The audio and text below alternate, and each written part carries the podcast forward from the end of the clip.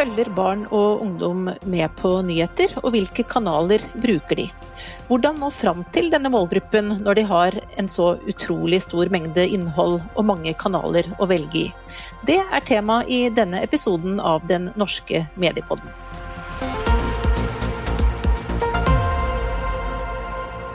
I dag skal vi snakke om barn og ungdoms nyhetsvaner her i Mediepodden. Og jeg har med meg et eh, kompetent panel. Bente Kalsnes, som er førsteamanuensis ved Institutt for kommunikasjon ved Høgskolen Kristiania. Hansine Koslien, kommunikasjonsansvarlig i stiftelsen Tinius. Og Frank Sivertsen, som er prosjektleder i Supernytt på NRK. Vi sitter dessverre i disse tider ikke sammen i ett studio, eh, men gjør opptak eh, digitalt som følge av eh, covid-19-situasjonen. Men det skal gå helt fint, og uansett hjertelig velkommen til dere alle tre. Tusen takk. Takk. Takk. Jeg tenkte at vi skulle starte med noen tall. Det er alltid greit å ta utgangspunkt i det. For ifølge Medietilsynets undersøkelse Barn og medier 2020, så oppgir ni av ti 9-18-åringer at de leser, hører eller ser nyheter Ofte eller av og til, uavhengig av plattform. Og personlig så må jeg egentlig si at jeg faktisk ble litt overrasket over at dette tallet er så høyt, at såpass mange barn og unge følger med på nyheter. Eh, og da blir jeg litt eh, nysgjerrig, Bente Kalsnes, som medieforsker. Eh, ble du også det, eller hva tenker du om det tallet? Eh, jo, samtidig det, det, forteller oss litt om at en får det med seg av og til. Eh, og, um, og, det er klart at det, de eh, yngste har nå tilgang til um, f.eks. Uh, Supernytt. Og det er også en del som får med seg nyheter via foreldrene sine medievaner på, på TV f.eks. Men uh, det er klart når det kommer opp i litt eldre ungdomsår, da ser vi at, uh, at medievanene forandrer seg. Så det er kanskje der jeg tenker at vi må begynne å kikke litt nøyere på hva er det som skjer når de begynner å nærme seg altså tenåringene. Hansine Korslin, dere i stiftelsen Tinius har jo også nylig gjort en undersøkelse om medievanene til generasjon Z. og Ser dere det samme bildet i forhold til dette med nyhetsvaner og nyhetsbruk? Absolutt. Vi ser jo at generasjon Z er opptatt av nyheter. Og så ser vi jo, som vi er veldig glad for, at veldig mange oppsøker de norske nyhetsmediene direkte når de vil ha informasjon digitalt. Og det er jo egentlig et ganske unikt funn hvis vi sammenligner det med globale funn. Uh, Reuters sier jo i hvert fall at 16% går direkte til uh, nyhetsmedier når de uh, vil finne informasjon. Mens det er da 64% i Norge som går direkte til norske nyhetsmedier når de vil finne informasjon digitalt. Så det er en stor, stor forskjell. Men samtidig som deres undersøkelse da viser at eh, mange går eh, direkte, så ser vi jo fra vår undersøkelse Barn og medie 2020 at eh, det er mange som eh, finner nyheter på sosiale medier. Nesten ni av ti 9-18-åringer som er på sosiale medier, eh, konsumerer nyheter på denne plattformen. Og dermed blir jo sosiale medier den mest brukte nyhetsplattformen blant Eh, barn og ungdom, bortsett da fra de aller yngste, der Supernytt står sterkest på NRK. Vi skal komme litt tilbake igjen til det, men litt mer om sosiale medier først. For det er jo bra at så mange følger med på nyheter, og som du var inne på, Hansine, at det er en god del som går direkte. Men, men det er jo en utfordring at såpass mange bruker sosiale medier til nyhetsbruk. Bente Kalsnes, fra et forskerståsted, hva tenker du om at dette er eh, den viktigste nyhetskilden for så mange unge? Ja, eh, Det betyr at uh, nyheter som dukker opp i uh, strømmen, enten det er på Snapchat, eller Instagram eller Facebook, blir da blanda med veldig masse annen type innhold. Altså, det kan være innhold fra, fra, venner, det kan være fra kjendiser. Og det betyr også og, ja, og det kan være type Eh, det vi kan kalle falske nyheter. Altså, og det betyr også at eh, norske tenåringer og ungdommer må, må være mer årvåken, fordi at det, her blir veldig masse forskjellig type informasjon blanda sammen. Um, og, uh, og, det er klart at det relasjonelle altså norske medier følger et annet sett med, med retningslinjer og etiske forhåndsreglene enn hva eh, en kjendis, en amerikansk kjendis som Kim Kardashian, som også blander kommersielt innhold. Så det å konsumere nyheter primært i sosiale medier, um, gjør også at barn og ungdom må følge litt mer på hvor kommer denne informasjonen fra. Og så er det vel også en utfordring eh, dette med algoritmer. At eh, når man følger noe, så er det en fare for at man får eh, stadig mer av det samme, og at man dermed får et smalere bilde med seg av nyhetene enn hvis man har et bredere tilfang av kilder. Ja, det kan skje. Men det kan også bety at en får et bredere tilfang enn hvis en kun følger f.eks VG eller Aftenposten. At hvis en da har eh, et nettverk i sosiale medier, så kan en få med seg veldig masse forskjellig type informasjon. Men det kommer litt an på eh, hva slags nettverk en har, og hvordan eh, vennene fortolker den informasjonen som kommer i, i, den strømmen. Så det er ikke helt entydig hvordan algoritmene kan påvirke eh, informasjonskonsumet til, eh, til de yngste. Hansine, i undersøkelsen til eh, stiftelsen Tinius eh, så er det som du allerede har nevnt eh, mange som sier at de går direkte til nyhetskilden. Og det er også sju av ti som sier at de ønsker at det innholdet de får med seg skal være kvalitetssikret av en journalist. Men likevel så ser vi da at veldig mye av nyhetskonsumet skjer på sosiale medier. Hvorfor tror du det er slik? Jeg tror jo det er positivt at de unge bruker mange kanaler for å, for å få tilgang på nyheter, og at sosiale medier er en av de veiene inn til nyhetene. Det tenker jeg er ganske naturlig. Og så har jo vi gjort flere intervjuer med, med et utvalg i den gruppa. Og de sier jo at de, eh, de, bruker sosiale medier som et informasjonsnav som de klikker seg videre fra. Så jeg tror ikke nødvendigvis at de leser alle nyhetene i sosiale medier, men de bruker det som en kanal hvor de kan bli oppdatert på det som skjer, og så eventuelt søke seg videre i en annen plattform eh, etterpå. Så de blir oppmerksomme ofte da på nyheten gjennom sosiale medier, og så går de derfra og inn da til f.eks. Aftenposten eller VG eller NRK eller hvem det nå måtte være som har nyheten? Absolutt. Jeg kan jo bare lese opp to sitater fra den undersøkelsen. og det var jo eh, en, en, jente som forklarte at jeg ser jo liksom ikke på nyhetene på Instagram, men jeg kan eh, se om det er noe jeg skal gå inn og søke på etterpå. Og så er det en annen som sier at jeg bruker jo nettavis uh, hovedsakelig, men jeg får også som oftest alt gjennom Facebook for å bli oppdatert uh, mer generelt. Jeg har de fleste nyhetskilder der, og så ser jeg på en måte bare hva som popper opp. Så jeg tror mange bruker sosiale medier som et uh, informasjonsnav og klikker seg videre. Men det er jo da egentlig også veldig positivt at de går i tillegg i så stor grad direkte til norske nyhetsmedier for å bli oppdatert. Jeg nevnte så vidt uh, i sted Supernytt på NRK, fordi uh, Medietilsynets undersøkelse viser at uh, den viktigste nyhetskilden, og den som da er mest populær blant 9-12-åringene, det er Supernytt. 94% av 9-11-åringene ser på Supernytt, og 83% av 12-åringene. Og her har det også vært en økning siden forrige gang vi gjorde denne undersøkelsen for to år siden. Og prosjektleder Frank Sivertsen, hva er det dere gjør som uh, gjør at dere da treffer så godt med nyhetsinnhold i den yngste målgruppen? Det er jo helt uh, sinnssyke tall. Uh, men uh, vi har vært veldig flinke på én ting, og det er å tenke hvordan vi skal nå dem. Så det ene er at vi har tenkt hele tiden at vi når dem ikke på hjemmebane, men vi når dem gjennom skolene. Så vi, vi har endra publiseringstidspunkt fra da Supernytt starta for ti år siden, og i fire-fem år så publiserte vi lineært ti på syv på kvelden. Det er jo eh, ingen, som, ingen av vår målgruppe som sitter der og ser på noe lineært. Så det, for en del år siden så endra vi. Vi publiserer fersk nyhetssending klokken ti på dagen, for da er det spisepause på skolene. Så hver dag så er det ca. 7000-8000 klasserom mellom klokken 10 og 12 som ser på uh, oss. Og så vet vi at det, det er, de sitter jo ikke alene én og én. Så de tallene, det er kanskje 150 000 som ser oss på skolene. Så vi har lagt opp sendingene til å ha ferske nyheter fra, eh, fra kvelden i forveien, enten det er en fotballkamp eller hva som helst. Pakket inn med substanssaker som er viktige, som eh, vi tenker at eh, vi må ha en blanding av tunge og lette nyheter. Og vi jobber internt med å tenke at læreren skal bli populær av å sette på, nye, uh, sette på Supernytt i, når den er på skolen.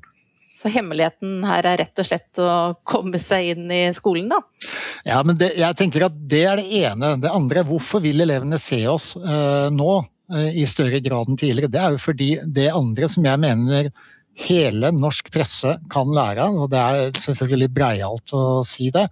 Men jeg mener at eh, hvis du ser på den Reuters-undersøkelsen som Hansine nevnte, fra 2019 så sier én av fem voksne at de eh, unngår nyheter fordi det har en negativ effekt på humøret deres, og eller de føler seg maktesløse av nyhetene. Og I Storbritannia så steg dette tallet til én av tre. Det gikk opp 11% pga. brexit. Og hva, hva, sier det da? Jo, jeg tror voksennyhetene, som er et begrep vi bruker, de er for flinke til å lage sine nyheter. De tar ikke hensyn til hva som er behovet der ute. Når du jobber i Super, så har vi en sånn overbyggende mål om at et ønsket etterlatt inntrykk er at NRK Super de forstår meg. Eh, og da tenker vi hva er behovet til den som ser på? La oss si eh, at Dagsrevyen, eh, ikke for å henge ut Dagsrevyen, men ta et eksempel. Når Dagsrevyen skal lage en sak om et rentemøte, nå har renta gått opp eller ned, som kanskje er mest aktuelt nå. Hvem lager du den saken for? Lager du de som har boliglån? Lager du saken for de som ønsker seg et boliglån? Eller lager du saken for generasjon som kanskje ikke vet hva en rente er engang? Det er veldig viktig når du skal lage den saken. Og der har vi et veldig klart utgangspunkt.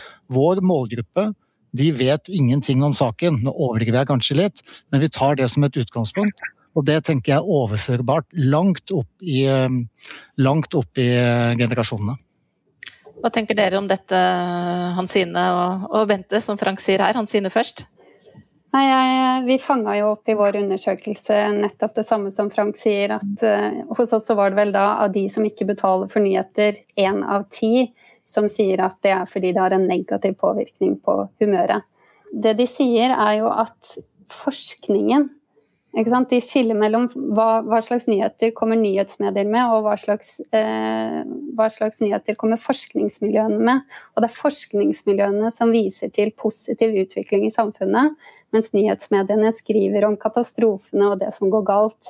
Og at det kan være en belastning å bare lese om eh, det som ikke går som planlagt. Bente?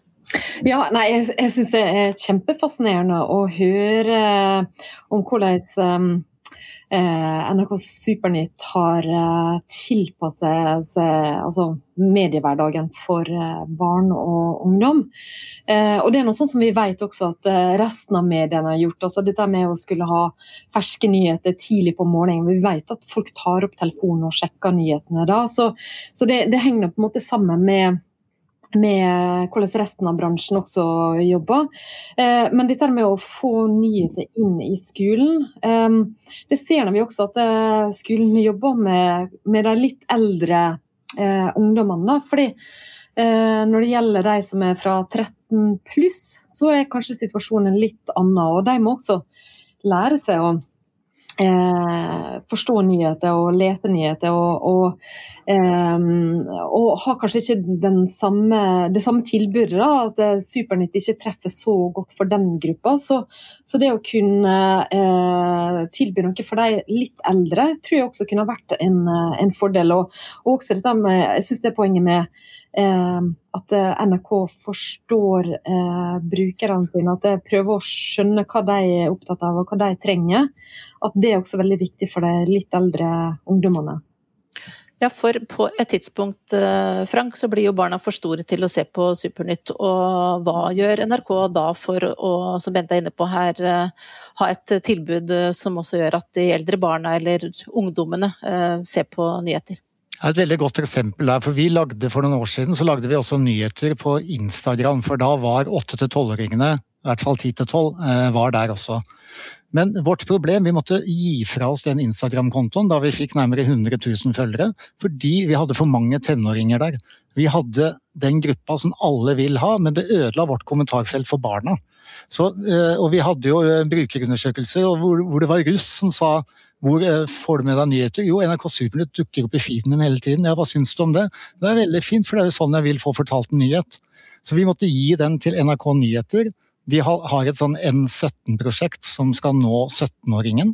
Uh, og vi uh, har fortalt dem og samarbeida med dem om hvordan man skal lage nyheter for unge. Så vi tenker at vi, Selv om vi lager nyheter for 8-12 år, i utgangspunktet, så tenker vi at vi ikke tenker en spesiell målgruppe. Vi tenker hva vet du om denne nyheten? Så hvis du ikke vet at uh, Tyrkia gikk inn i Syria i fjor, så er Supernytt like relevant å forklare uh, hvorfor denne konflikten eh, er som den er.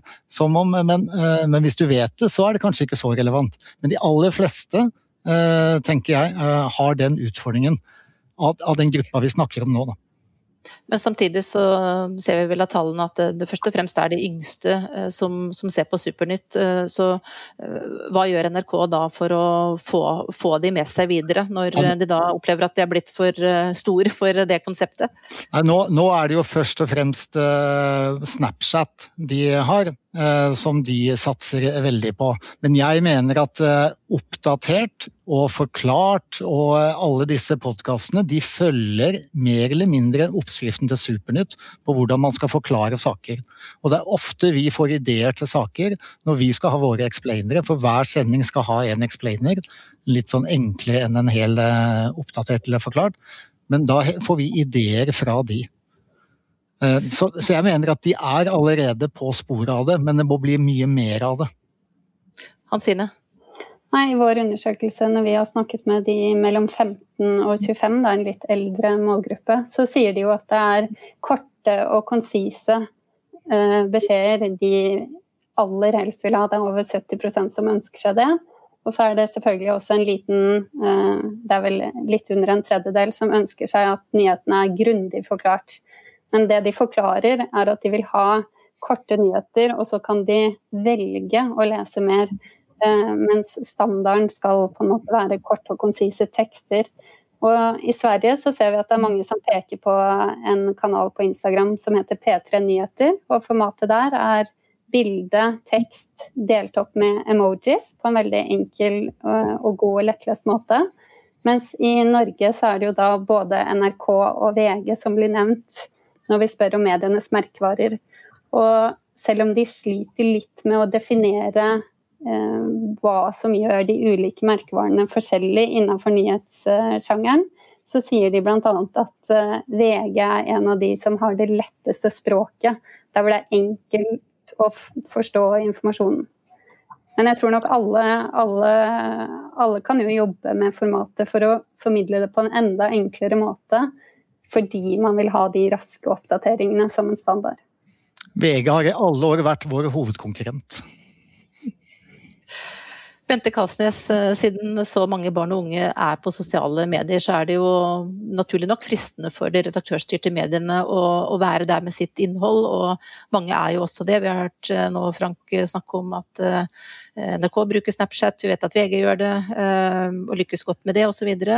Tenker du fra et forskerståsted igjen at det er en smart strategi for mediene å bruke sosiale medier på denne måten for å nå ut til barn og unge? Ja, altså Det har vært diskutert i veldig mange år. Eh, eh, skal redaksjonelle medier bruke eh, plattformselskap sånn som YouTube og Facebook og Snapchat og Instagram. Altså også fordi at den da må følge de betingelsene som de plattformene stiller. Um, og det, det, gjelder også når det gjelder, altså, med innlogging og reklame og aldersgrense og alt dette her. At det, det setter noen premisser også for reaksjonelle medier. Men det vi nå ser, er at det kan være en måte å nå ut til de yngste aldersgruppene. Um, men det betyr også at eh, når det blir gjort endringer i algoritmene f.eks. Til, eh, til Instagram eller til Facebook, så får det også betydning for det reaksjonelle innholdet. At det, hvis plutselig mm, en prioriterer grupper, sånn som en har sett Facebook gjort framfor side, så kan det også få konsekvenser for Eh, ja, VG eller eh, NRK for den del. Um, så dette er en sånn litt sånn komplisert balansegang som reaksjonelle medier har gjort, um, versus det å skulle prioritere egne plattformer. Så, men det virker som at veldig mange har bestemt seg for at uh, OK, vi må være der brukerne er, der leserne, seerne er. Uh, samtidig som at vi må styrke egne uh, plattformer. Og, og, jeg tenker også de tallene som, ble, som Hansine var inne på her, det at eh, så mange norske lesere, også de unge, går direkte inn på altså appen eller nettstedet til eh, redaksjonelle medier, er ganske unikt i verdenssammenheng, også blant de voksne. Men i undersøkelsen eh, deres Hansine, til stiftelsen Tinius, så er det, som du har vært inne på flere ganger nå, eh, mange som sier at de da oppsøker primærkilden. Men samtidig så mener bare én av tre at det er viktig at nyheten er tilknyttet et kjent mediehus eller eh, en kjent logo. Og Betyr det da at ungdom ikke egentlig er så opptatt av de redaktørstyrte mediene? Jeg tenker det er ganske bra at over 30% sier at de er opptatt av at nyhetene er tilknyttet en, en, merkevare, særlig kanskje fordi at de sliter med å definere nyheter som merkevarer i utgangspunktet. Så det er litt med språkbruken i spørsmålsstillingen også. Eh, de er i hvert fall veldig klare over varemerkene til mediene, og så er kanskje merkevarene, for å snakke i de forskjellige eh, For å ta i bruk de forskjellige ordene, da, litt vanskeligere å definere. Men, eh, men, eh, det er jo da det viktigste for generasjon Z er at de kan stole på nyhetene. Det er over 50% som sier at det er det viktigste. Men da også rundt 30% som sier at det er viktig at det er tilknytta en nyhetsmerkevare. Så jeg velger å tolke det positivt. Er du enig i det, Bente? Ja, altså jeg tenker der, um, tallene som, uh, som Hansine snakker om fra Tinius-undersøkelsen, det går nå vel primært på de som er litt eldre, mens mange av de brukerne dere har eh, snakka med i Medietilsynet, er litt, uh, litt, yngre. Og jeg tror at hvis en snakker med 13-14-15-åringer, så den her bevisstheten rundt eh, hva er relasjonelle medier, hva er forskjellen på Dagsavisen versus NRK versus eh, Dagens Næringsliv, jeg tror den er ganske svak. Eh, men eh, jeg har ikke gjort, eh, altså har ikke gjort undersøkelse på det siste, men, men jeg, bare, jeg, var inne, innom en videregående skole i forrige uke, og der skal de jobbe med nyheter nå eh, framover mot, eh, mot, jul. altså Skal lese nyheter i klasserommet. og Da, da var det liksom snakk om ok, hvor skal vi begynne. Hva er en nyhet, hva er et redaksjonelt medie? altså det er på en måte der en, en, begynner for å kunne klare å differensiere hva er et redaksjonelt medium versus en blogg f.eks. Hvordan eh, kan vi bli oppmerksom på at eh, her er det reklame hvis det er dårlig merka f.eks. Så ja, det er en del eh, utfordringer for den målgruppa. Hansine, du ville kommentere det? Ja, jeg syns det var interessant i undersøkelsen at så mange bruker søkemotorer for å finne nyheter. I Sverige var det jo flest som bruker søkemotorene først når de skal lete etter nyheter digitalt. Og i Norge kom søkemotorene på en tredjeplass. Eh, og det de sier, er jo da i de kvalitative intervjuene, så sier de at eh, det er sjelden jeg går inn på en kilde jeg ikke kjenner til fra før, når de får det søkefilteret feltet med forskjellige nyheter. Så jeg tror nok at varemerkene, at vi har kjente varemerker knytta til nyhetsmediene, er viktig. Og at de kanskje får forrang når man bruker f.eks. Google til å søke fram nyheter. Vi vet fra andre undersøkelser som vi har gjort i Medietilsynet at uh, nyheter uh, på og fra Facebook har betydelig lavere tillit enn nyheter fra redaktørstyrte medier. Dette er da undersøkelser som ikke er gjort uh, blant de yngste, men generelt i befolkningen. Og er det da en fare for at denne lave tilliten som Facebook f.eks. har som kanal, kan smitte over på de redaktørstyrte mediene når de distribuerer innhold i sosiale medier. Er dette noe dere reflekterer over, f.eks. Eh, Frank Sivertsen i NRK Supernytt? Um, ja, vi, vi, lager jo vi har jo lagd nyheter på Instagram, på, har lagd på Snapchat og lager nå på TikTok hvor vi har nesten 160 000 følgere. Um, men ja, jeg tror jo selvfølgelig det er jo et generelt problem i bransjen. Det er det ikke noe tvil om. Uh, men jeg tenker vi bruker, vi bruker TikTok på en annen måte, en annen plattform. Fordi vi bruker den til å være i dialog med målgruppa når vi trenger det. Og så har vi lette og tunge nyheter der også. Det er det viktigste, og så er det en branding for oss. Eh, og jeg tenker at vi får kred ved at vi er til stede der, uten å være for cringe. For det, det, er jo fort gjort at noen mener vi er cringe der. Eh, men samtidig så er det mye elsk av de eh, yngste. Så jeg tenker at dette med å miste troverdighet fordi man er, er på sosiale medier, jeg tror ikke det er noe jeg tror media må bare passe seg for sin troverdighet, uavhengig av om man er på sosiale medier eller ikke Bette? Ja, um, uh, det er interessant disse lave troverdighetstallene for innhold på Facebook. Samtidig som jeg tenker at dette er et, rett og slett et designproblem. Um, uh, og En kan gjerne si at det handler om andre sosiale medieplattformer også, men at det er litt for vanskelig å skille ulike typer informasjonskilder på Facebook. Altså at det, eh, det er kattebilder fra eh, søskenbarnet ditt, eller fra eh, eller eh, en, en, vits som en venn deler, og den nyhetsartikkelen fra Aftenposten. At det ser ganske likt ut. Eh, at det er for lite differensiering mellom de ulike kildene. og Det gjør også at alt blir sausa sammen. det, når, når en snakker om lav tillit til innhold på Facebook, så er det også snakk om redaksjonelt innhold. Altså, men, men, at det blir, blir, en del av den miksen som en får i, i, um, i, strømmen. Så jeg skulle egentlig ønske at Facebook kunne gjøre mer for å tydeliggjøre hva type innhold er det vi faktisk ser som dukker opp i den strømmen. Jeg tror at både unge, og det er helt ned til barn, og eldre gjennomskuer eh, om media har troverdighet eller ikke, uavhengig av på hvilken plattform eller hvor de publiserer.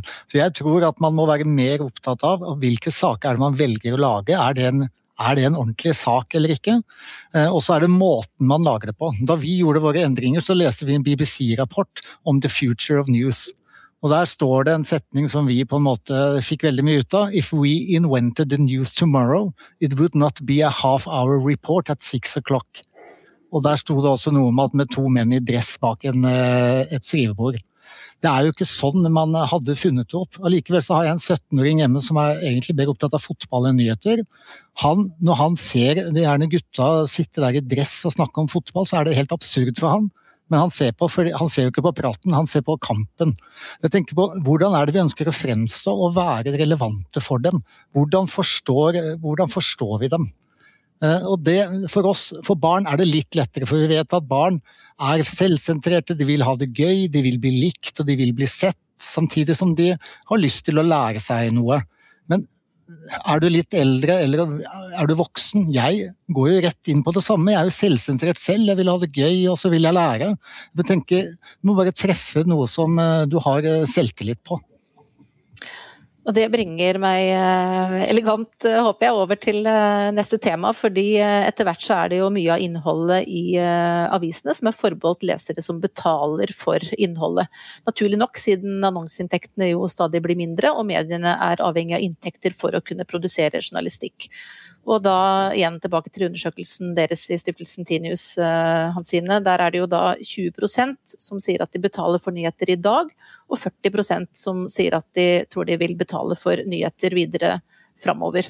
Og hvordan vurderer dere det bildet? Er det bekymringsfullt lavt, eller sier det noe om at her er det faktisk håp om at eh, vi har eh, betalende lesere også i fremtiden? Det er jo selvfølgelig positivt at det er dobbelt så mange både i Norge og Sverige som sier at de vil betale for nyheter i framtiden, sammenligna med de som betaler i dag.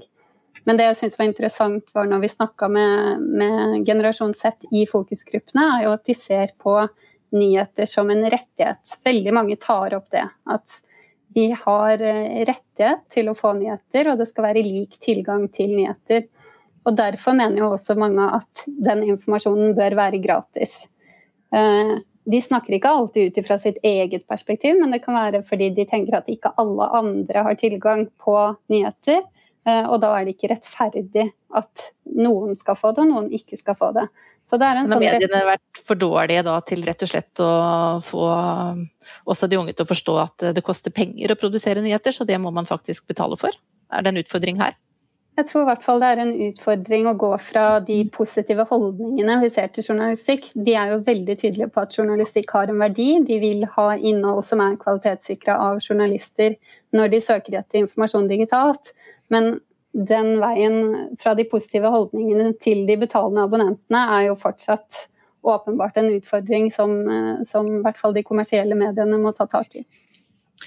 For det store spørsmålet er jo hvordan skal mediene få ungdommene til å være villige til å betale for deres produkt i en tid der eh, så mye også er gratis tilgjengelig på nett. Har dere noen eh, gode råd?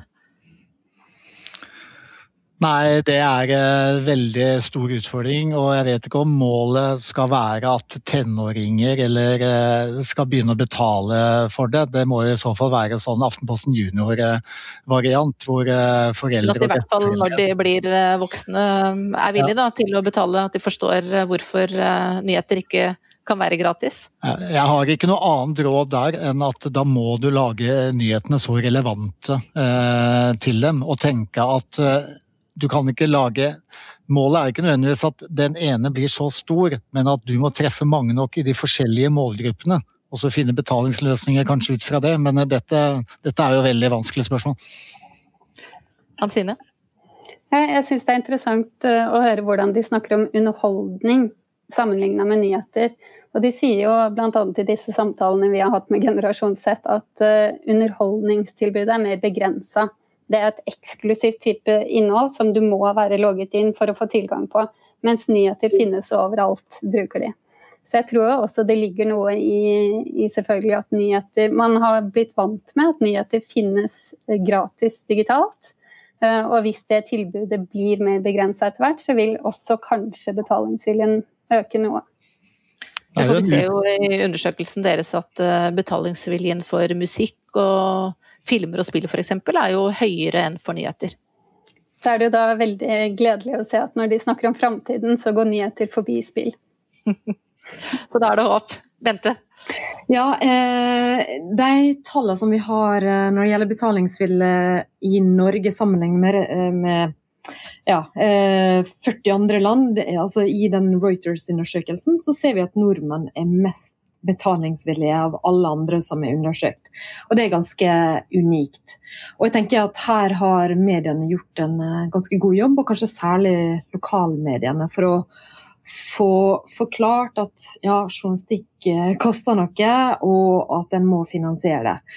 Eh, men når det gjelder ungdom og yngre voksne, så er situasjonen eh, ganske annerledes. Og vi ser, akkurat sånn som det kommer fram i den Tinius-undersøkelsen, så ser jeg Jeg snakka også en del med studenter om dette her, at en er villig til å betale for eh, film og TV-serier og musikk. Um, men når det gjelder journalistikk, så er situasjonen noe annet. Eh, og jeg tror det, det, er mange årsaker til at det er sånn. Én um, ting er at en har vent seg til at journalistikk er er tilgjengelig. At uh, en føler at en ikke trenger å betale for det. At en får nok gratis, uh, gratis journalistikk, både norsk og internasjonalt. Og bl.a. fra NRK og fra andre internasjonale medier. Uh, en annen ting det er noe pris. Altså klarer en å treffe godt nok på pris, f.eks. For, for studenter. Mange medier har studenttilbud, men treffer de godt nok? Og så er det dette med betalingsløsninger. altså hvordan en utformer det. At det, eh, mange føler at det er så vanskelig å komme seg ut av eh, abonnementstilbud f.eks. Eller at det er altfor mange klikk for å registrere seg. At det er liksom tungvint. Så det kan, eh, kan, være også årsaker. Og selvfølgelig er det relevant nok. Er det nyttig for, for de unge, unge, voksne. Og vi kan ikke ta for gitt, sånn som vi har sett tidligere, at eh, folk begynner å abonnere på journalistikk når de nærmer seg familieetablering, kanskje i slutten av 20-åra, begynnelsen av 30-åra. det, det, kan ikke en uh, lene seg tilbake på historikk og si at sånn kommer det til å skje. Så dette er en sånn eh, ja, holdningsendring da, som en må være med på å påvirke for å få folk til, unge voksne til å betale for journalistikk. Helt til slutt, hvis dere skal uh, si én ting som dere tenker er viktig for å sørge for at de yngste har en appetitt på nyheter eh, framover. Hvis dere skulle drisse dere til et uh, lite råd til uh, redaksjonene rundt omkring, hva vil dere si? Jeg kan jo begynne. Uh, jeg tenker igjen at det er veldig bra at uh, i hvert fall generasjon Z er så opptatt av nyheter og journalistikk som de er. En ting som vi ser i undersøkelsen, er jo at de ikke har et spesielt forhold til profiler innenfor nyheter. Mens i deres undersøkelse i Medietilsynet så ser vi jo at de har Eh, et forhold til profiler eh, som kanskje er større innenfor andre kategorier. Så det kan hende det ligger noe i å bygge flere profiler innenfor medienes merkevarer igjen, for å tette eller skape sterkere relasjoner til, til den målgruppa. Um, jeg kan komme med et råd og en refleksjon. og Det ene er uh, vi jobber veldig mye i Supernytt med at en nyhet blir ikke viktigere selv om den blir fortalt på en kjedelig måte. Du må hele tiden lete etter nye måter å fortelle eh, historier på. Og, er, og, den andre er en refleksjon med min kjæreste og samboer på 49 år, som sier hun føler hun aldri blir gammel nok til å se på Dagsrevyen. Bente, du får siste ord. Ja, um, selvfølgelig. Dette er et stort og vanskelig spørsmål. Men, uh, men også det at uh, reaksjonene ansetter yngre folk, og, altså med mer mangfoldig bakgrunn, for å på den måten også kunne i større, større, grad kunne reflektere også yngre lesere. Og jeg tenker nå I Norge så har en vært ganske god på å nå de yngste, men den gruppa mellom 13 og opp til 25. Eh, jeg tenker Her må en eh, ta litt tak for å sørge for at de skjønner verdien av eh, journalistikk.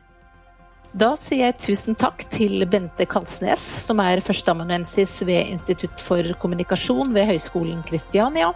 Hansine Koslien, kommunikasjonsansvarlig i stiftelsen Tinius. Og Frank Sivertsen, prosjektleder i Supernytt på NRK.